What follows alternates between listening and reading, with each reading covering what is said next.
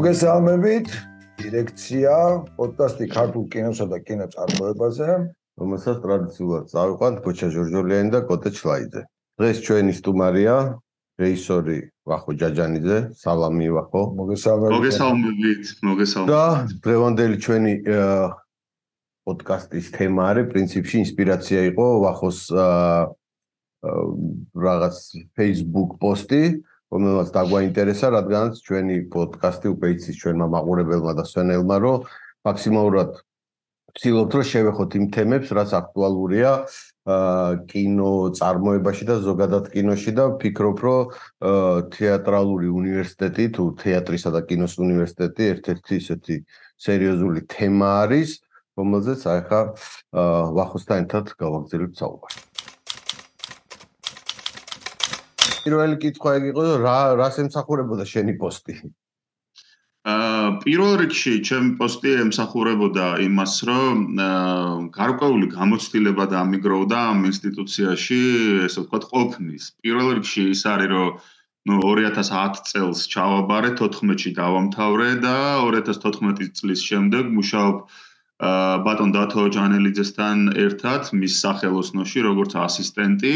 და ამასობაში კიდევ თქვა თუ ემსახურებოდი რამდენიმე მნიშვნელოვან მიმართულებას და პროექტს ერთ-ერთი ეს იყო საერთაშორისო სტუდენტური კინოფესტივალი, ანუ მისი სამხატვრო ხელმძღვანელი ვარ, 3 წელია ვიყავი უბრალოდ. ასევე გავაკეთე ერთი პროექტი, რომელიც ძალიან მნიშვნელოვანი და საერთაშორისო მასშტაბზე წონიანი პროექტი, ეს იყო თანამედროვე კინოს დიდოსტატები. როდესაც ძალიან დიდი კინემატოგრაფისტები ვორქშოპების სახით ჩამოვიდნენ საქართველოში და წლების განმავლობაში უძღვებობდი აა ასე ვთქვათ თეატრალური კინოკლუბს, სადაც თითქმის ყველა ქართველი კინემატოგრაფისტი შეიძლება ითქვას სტუმრად იყო და ვაკეთებდით რეტროსპექტივებს და ასე შემდეგ და ასე შემდეგ. ერთი სიტყვით მაქსიმალურად ვიყავი ჩართული საუნივერსიტეტო ცხოვრებაში და ეს იყო ჩემთვის ძალიან დიდი და ძალიან საინტერესო გამოცდილება. მაგრამ ყველაფერთან ერთად ამ გამოცდილებას ჰქონდა როგორც დადებითი მხარეები, ასევე უარყოფითი მხარეები. და როდესაც მივხვდი რომ არსებობს რაღაც გარკვეული კრიტიკული წერტილი, როდესაც მე ამ შემთხვევაში არ მხოლოდ როგორც ვახო ჯაჯანიძეს, როგორც ვთქვათ, ახალგაზრდა კინორეჟისორს, არამედ ზოგადად ახალგაზრდებს და ახალ თაობას ამ უნივერსიტეტში სათანადო ხელშეწყობა არ გააჩნია და ეს დაგროვდა წლების განმავლობაში, ეს არ არის ერთი დღის, ერთი წლის ან თუნდაც 5 წლის, ასე ვთქვათ, მუხტი, ეს არის ფაქტობრივად დაახლოებით აი მე 13 წელია მან ვარ და უბრალოდ ვიყავი და წარმოგიდგენთ ამ წლების განმავლობაში გროვდებოდა გროვდებოდა გროვდებოდა გროვდებოდა და მიაღწია რაღაც კრიტიკულ წერტილს. შესაბამისად ამ პროტესტმა იხეთქა შეიძლება ასე ითქვას ჩემში და მივხვდი რომ მე ვარ და ვმუშაობ საკმაოდ უსამართლ გარემოში და მივხვდი რომ უბრალოდ ადამიანურად რო თქვა, აღარ შემილია ამ გარემოში მუშაობა, თუ არ მოხდა ფუნდამენტური ცვლილებები. ამან გამოიწვია ჩემი პოსტი. ვახო, აი მან უსამართლობაზე საუბრობ. აქ არის ეს შენდამი განწყობაზე თუ ზოგადად უნივერსიტეტში სიტუაციაზე, აი აა იცით როგორ არის? მე გადავწყვიტე ეგეთი რამე რომ რადგან ვთქვი რომ უნივერსიტეტიდან მოვდივარ ეს ვთქვი იმიტომ რომ მივხვდი რომ ვიღაც ვიღაცმა ვიღაც ადამიანმა უნდა ამოიღოს ხმა აა ბევრი ადამიანი ძალიან ბევრი ადამიანი უნივერსიტეტის თანამშრომელი ამ შემთხვევაში ხას გაუსვა ფიქრობს ისე როგორც ფიქრობ მე მაგრამ გარკვეული რიგი მიზეზების გამო, ისეთი როგორიც არის თქვა, სამსახურის დატოვება, ის თქვა გარკვეული ხელფასი და ასე შემდეგ ვერ იღებს ხმას, იმიტომ რომ მათაც თავიანთი შვილები ყავთ სარჩენი, თავიანთი პირადი საქმეები აქვს და ძალიან ძნელია დღეს საქართველოში სამსახურის გარეშე ყოფნა.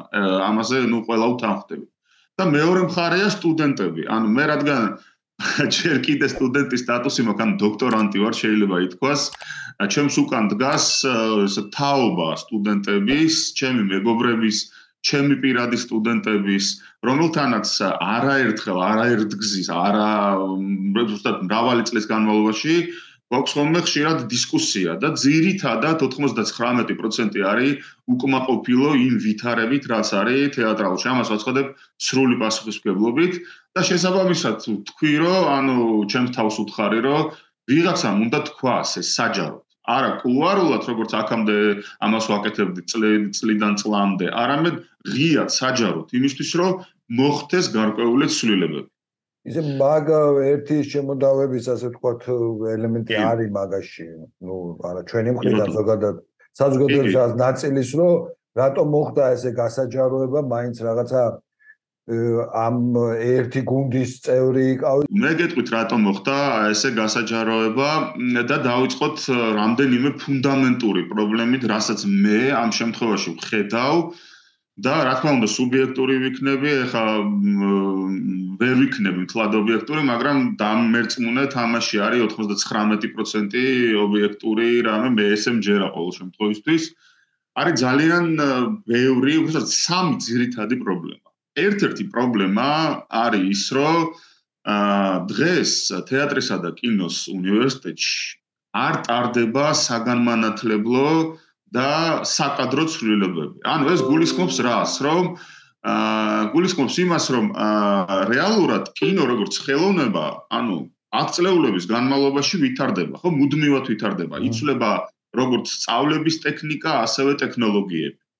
და იმისთვის, რომ შენ აა სტუდენტს გაუზიარო, ასწავლო, მისცე ცოდნა და განათლება და ეს იყოს მაღალი ხარისხის, ამისთვის საჭიროა მუდმივი ბმა აი ამ ტექნოლოგიებთან, აი ამ ტექნიკებთან და კინოწარმოებას. ანუ ვაღო არის ის განცდა გაქვს, რომ ინდუსტრია, გარეთ ინდუსტრია ამ ტექნოლოგიურ პროცესებს უფრო ფეხაბურთი ჩამოშორებული. ეგრე თეატრალური, ხო? ამას გული. რასაკვირველია და მარტივი მიზეზის გამო, რომ ანუ დღეს თეატრალურში, ასე ვთქვათ, კიდევ ერთხელ ხაზ გაუსავ სანამ ამას ვიტყვი, ვიცი ბევრს გული დაწყება, მაგრამ მირჩევნია გული დაწყდეს, იმიტომ რომ საპირწონეთ არის ახალი თაობა და მთელი ადამიანების ბედიღბალი, რომლებიც მოდიან და ცდილობენ რომ განათლება მიიღონ, ანუ იმ ადამიანების 95-18% რომლებიც დღეს კინოსა თეატრალურში ასწავლიან, დაახლოებით 5-10 წელია მეტი ეს მე კრიტიკულ ზღვარს ვამბობ. საერთოდ კინოწარმოებას არიან ჩამოშორებული. ანუ არანაირი ქმნადობა, ანუ შემოქმედებითი აქტივობა მათ არ ქონია. მთელი წება კინემატოგრაფისტების, რომლებიც იღებენ დღეს წარმატებულ ფილმებს, არასწავლიან და კიდე დავასაბუთებ ამას იმით, რომ არ არის პანაცეა მხოლოდ მაგისტრის და დოქტორის ხარისხი. იმიტომ რომ მაგალითად იგივე დათო იქნება ჯანელიძე თუ ნებისმიერი სხვა, მათ დოქტორის ხარისხი არ გააჩნიათ. მათ სამსახური დაიწყეს საკუთარი შემოქმედების ხარჯზე. მათი შემოქმედება იძლეოდა იმის საფუძველს, რომ შენ მოგეცეს თქვათ ამ შემთხვევაში მუშაობის საფუძველი და დღეს ახლა სალომე ჯაში იქნება, ლევან კოღუაშვილი იქნება თუ ნანა ევთიმიშვილი, რომელიც თავის მესამე, მეოთხე, მეხუთე ფილმს აკეთებს და ასე შემდეგ აღარ ჩამოთვლი ადამიანებს.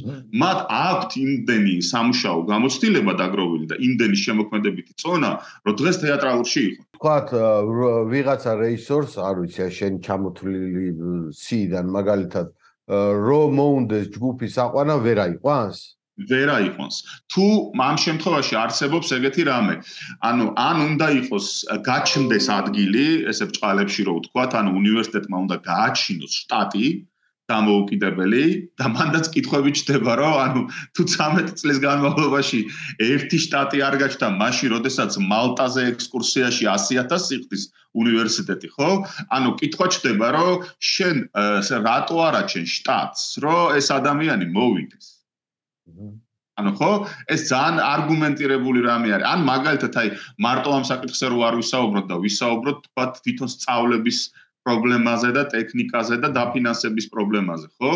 მე რო სწავლობ, წარმოგიდგენთ, მე მეორედ ჩავაბარე და 2010-ში გავხდი პირველ კურსელი თეატრალურში. მას შემდეგ წინა საკურსოზე არის 500 ლარი და აა ესე ვთქვათ, სადიპლომოზე არის 1500 ლარი. ანუ როგორ შეიძლება 13 წლის განმავლობაში თუ ის ადამიანები არიან პროდუქტიულები, რომლებიც ამ სფეროში მოღვაწეობენ და იკავებენ თანამდებობებს, არ შეიცვალოს ვითარება. ეს ხო წარმოუდგენელი რამე არის რა. ანუ შესაბამისად პრობლემები არის მრავალმხრივი და მოდი ახლა მანდი რა რაში მაგ ლოგიკაში კი მოყვები, მაგრამ ზოგადად ეგ პრობლემა არის, ხო ჩვენ სფეროში იგივე ვთქვათ, შენ 13 წელია მანთხარ, მე უკვე აღარ ვიცი რამდენი წელია კინოცენტრში ვარ, მაგრამ რეალურად გარღვევა ვერ მოხდა ზოგადად სფეროში, ანუ კინოცენტრსაც ის პრობლემა აქვს, რომ რაღაცა არ ვიცი, რაღაცა 10 მილიონს ვერასოდეს ვერ გადავაბიჯეთ, ხო? ხელმა ამ ხელა სფერომ, ანუ იგივეს თქვა მინდა რომ ვთქვათ მაშინაც როცა სრულ მეტრაჟიანზე 10 წლის წინ არ ვიცი 500000 იყო წელსაც მეც ვეღარ ვერიძლევა სახელმწიფო. ანუ ეგ რაღაცა გლობალური პრობლემა მგონია შეიძლება და გლობალური არის თუმცა თუმცა ნახეთ როგორ არის საქმე როგორი სიტუაცია არის. თეატრალური არის ინსტიტუცია რომელსაც სახელოვნებო უნივერსიტეტებში აქვს აქვს ყველაზე დაბალი დაფინანსება. ანუ ვიცით რა რაში მგონია მთავარი პრობლემა? მან დრო ანუ რეალურად აა მე ესე მგონია, ეს არის ჩემი სუბიექტური აზრი, კიდევ ერთხელ მომო ვისაც უნდა ეწყინოს, მაგრამ ეს ეგრეა, რომ როდესაც შენ ხარ წლების განმავლობაში ან რექტორი, ან დეკანი, ან ადმინისტრაციის ხელმძღვანელი, ხო? და ხედავ, რომ ეს პრობლემა პრობლემად დგას. გარკვეული მცდელობები ხომ უნდა გქონდეს იმის, რომ შენ რამე შეცვალო. ეხა არის მცდელობები, შეიცვალა ადმინისტრაციის ხელმძღვანელი და ასე შემდეგ და ასე შემდეგ, ცალკე პოლიტიკური დინებები ეს არ არის ამ გადაცემის საუბრის თემა, მაგრამ მიდიან და ეუბნებიან, შენ დაგვიმატე ფული. მაგრამ ნახეთ როგორი პრობლემა ჩდება. ანუ მე თუ დღეს მაქვს პრეტენზია რომ იყო თქვათ მუსიკის აკადემია, მუსიკალური აკადემია და მხოლოდ ფოლკლორს ვასწავლი და იმას დრომოჭმული გზით, ხო? რადონეზე ჩვენ 500000 და მილიარდი არ დამიმატო მე, თუ არ შეიცვალა მთავარი, არ მოხდა საგანმანათლებლო რეფორმა. და არ შეიცვალა საკადრო პოლიტიკა, გინდა 500000 მომენტს და გინდა 100000. ანუ მნიშვნელობა არ აქვს, ისევ იზდინება იყო და იქნება, ანუ უბრალოდ გაიზრდება ხელფასები ცოტა მეტად და შევიძენ თქვათ ერთი black magic-ის მაგივრად ხუთ black magic-ს. კი ბატონო, ვეთანხმები იმ ადამიანებს, ვინც ამბობენ, რომ აუცილებლად ფინანსები უნდა იყოს გაზრდილი, იმიტომ რომ ძალიან დაბალი დაფინანსება აქვს თეატრალს, მაგრამ ეს ფინანსები უნდა განკარგონ ადამიანებმა, რომლებიც აზროვნებენ თანამედროვედ. ეს არნიშნავს იმას, რომ მე ხას უსვავ იმ ადამიანებს, ვინც დღეს ასწავლის თეატრალურში პირიქით ადამიანური პატივისცემა მაქვს და ჩემი ურთიერთობა მაქვს ამდენი წლის განმავლობაში, მაგრამ მე მგონია, რომ 2/3-ის მოწინავე პოზიციებზე დღეს უნდა იყვნენ თანამედროვე ხელოვანები. აქ არა მხოლოდ კინორეჟისორზე ლაპარაკი. არამედ თქვათ მაქს აუბარი კულტურის მენეჯმენტზე, მენეჯერზე, ოპერატორზე, მონტაჟის რეჟისორზე.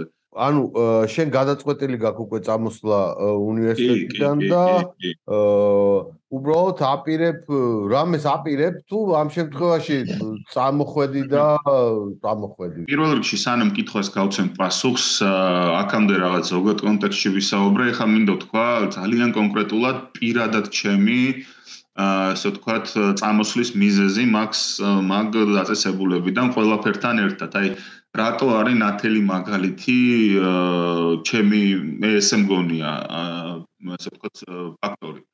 იმიტომ რომ აი მაგალითად მე 2014 წელს როცა დავამთავრე ბაკალავრე 16-ში დავამთავრე მომენიჭა მაგისტრის ხარისხი. ანუ მაგისტრის ხარისხი შენ უკვე გაძლევს კანონმდებლობით გაძლევს სახელოვნებო სივრცეში სწავლების ანუ აკადემიური თანამდებობის დაკავების უფლებას. ხო ამის შემდეგ კიდე გავიდა რამდენი წელი? 7 წელი.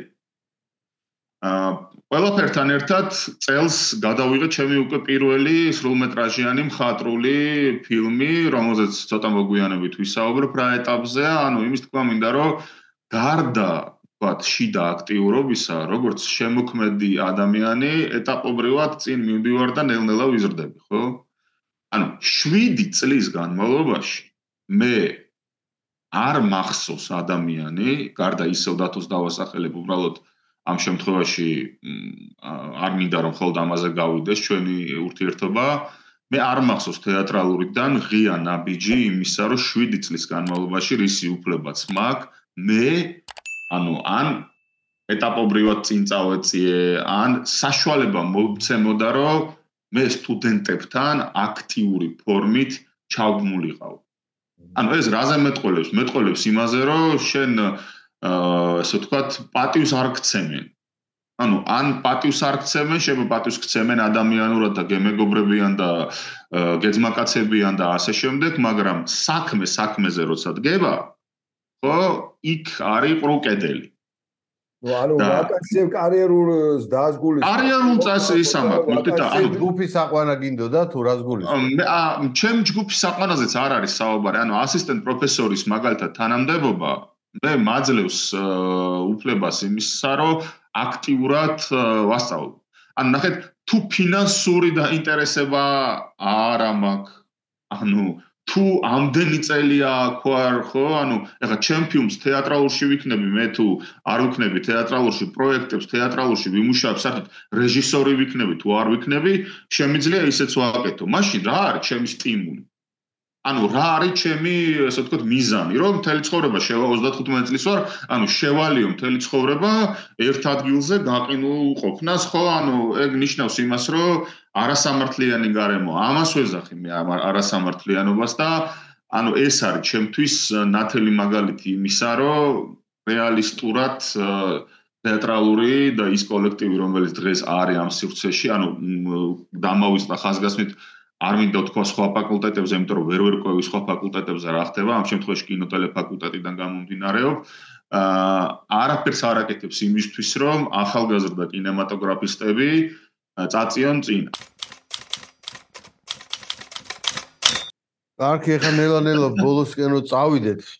დიდი ნაწილი წაიღო ძალიან ამ ამ თემებზე საუბარი, მაგრამ რა ვიცი, მოკლედ რა რა შვება შენი ფილმი, ისიც პატარა პრეისტორიას გავაკეთებ. შენი რაღაცა აქტიური ადამიანი ხარ და Facebook-ზეც საკმაოდ აქტიური ხარ და მე მახსოვს სულ პრინციპში რაღაცნაირად მაკედან გაუმდინარე შენი კინოგემოვნებაც მეტნაკლებად ვიცით ვინც გიცნობთ. და ზოგადად კრიტიკული იყავი ქართული თანამედროვე ქართული კინოსადმი რომ აი რაღაც ახალი უნდა შეიქმნას. აი რა სიტყვი შენი ფილმი რა შვება?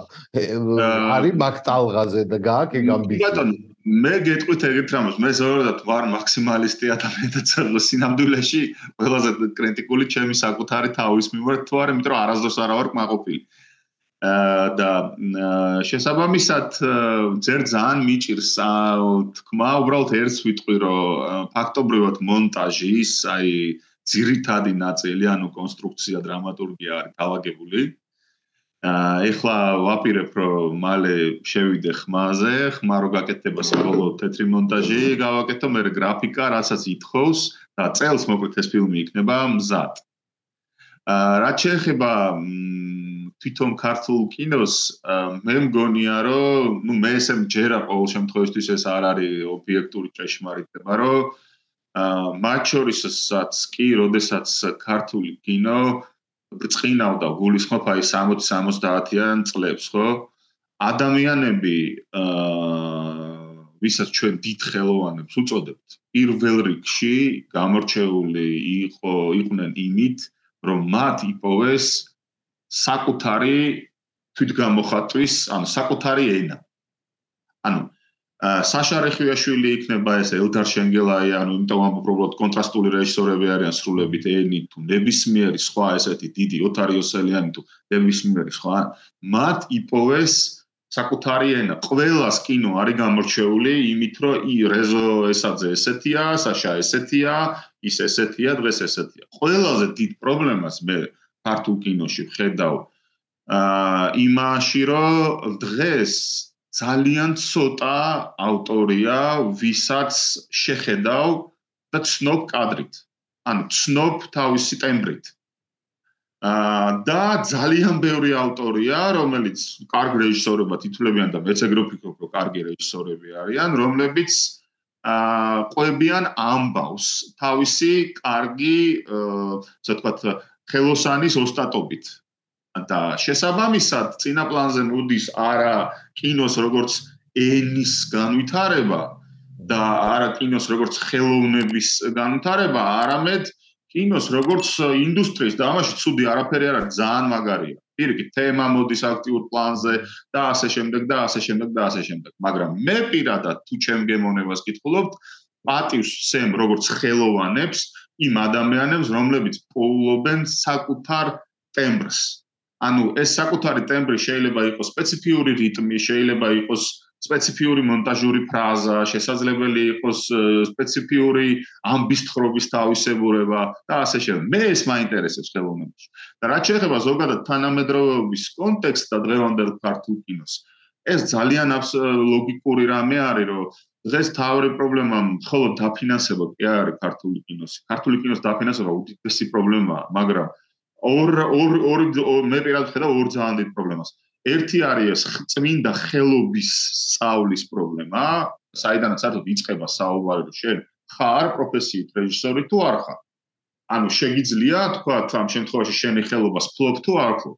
და მეორე ყველაზე დიდი პრობლემა არის ის, რომ აი ხო არსებობს აი წეგან მოახსენე მაგალითად თანამედროვე მუსიკა, თანამედროვე ხელის არა ზოგადად აი ფატრობა, თანამედროვე ლიტერატურა და ასე შემდეგ. ანუ არსებობს გარკვეული ტენდენციები, რაც გვაძლევს იმის თქვის საშუალებას, რომ ეს დარგები ობიექტურად თანამედროვეობაში ვითარდება. ანუ ადამიანები აღარ ყვებიან ამბებს ისე როგორც ყვებოდნენ თქვათ აქამდე. ჩვენ ცოტა ჩავარდნა გვაქვს რამდენიმე ათწლეულით, იმიტომ რომ ჯერ უფორჯალობთ იმაზე, რომ მინდა რომ ზოგადად ამბის თხრობა და დრამატურგია კლასიკური ფორმით დაუხვეწოთ და განავითავთ, მაგრამ სინამდვილეში დღეს დღევანდელი კინო და ხელოვნება ეს აღარ არის ამბის ტრადიციული თხრობის კულტურა. ეს არის ჩემი. ხო, ძალიან საინტერესო თემებზე დაიწყე. უბრალოდ ამ იმაში ვეღარ ჩავეტევით უბრალოდ. მე იმედი მაქვს, რომ კიდე შევხვდებით, აი თუნდაც ჩემი პრემიერის მერე ან რაღაცა. დროს და ზუსტად მაგ თემზე, იმიტომ რომ მართლა ერთ ცალკე ძალიან საინტერესო პლასტია, რომელსაც ჩემი აზრით საუბარი ჭირდება. რაც შეეხება ვთქვათ პირველ ნაწილს ჩვენი დღევანდელი შეხვედრის თავარ მიზეს აქვე ვიტყვი რომ შეიძლება შენ სახსენე რომ არსებობენ ადამიანები რომლებიც შენ არ გეთახმებიან ან ეწყინებათ ან არ ეწყინებათ. ჩვენ აქვე ვიტყვი რომ თუ ვინმეს მოუნდება ვთქვათ შენთან ოპონირების სიამოვნები სიამოვნები. ჩვენ სიამოვნები დაუთმოთ ჩვენ პლატფორმას და რავი საინტერესოა თუ ინვეს მოუნდება რაღაცნაირად რაღაცა პასუხები გაქცეს მე ძალიან მაინტერესებს და ამ შემთხვევაში დიდი მადლობა დღევანდელი ესეთი ჩართვისთვის და რავი წარმატებებს გისურვებ და მოვალ შეხვედრამდე. დიდი მადლობა და ბოლო სიტყვა იქნება ჩემი რომ მე თეატრალურს მე სიტყვის ადამიანი ვარ და იქიდან მოვდივარ, უბრალოდ ვუსურვებ ძალიან დიდ სიკეთეს. იქიდან გამომდინარე, რომ მე ეს კედლები ძალიან მიყვარს. აი, ნუ ეხა დათო რომ მიყვარს, იმიტომ რომ ჩემი პედაგოგი ეხა ამაზე არ არის საერთოდ საუბარი. სხვა ადამიანები, ვისთანაც მე ესეთი ახლო ურთიერთობა არ მქონია, როგორც თანამშრომლები ძალიან მიყვარა. მაგრამ მე ამ შემთხვევაში ვუსურვებდი უბრალოდ ამ სივრცეს, რომ ყოფილიყო მეტად გახსნილი დღევანდელობისთვის. ეს არის ჩემი ერთადერთი სურვილი და წარმატებას უსურვებ ყველა სტუდენტიდან დაწყებული პედაგოგით დამთავრებული.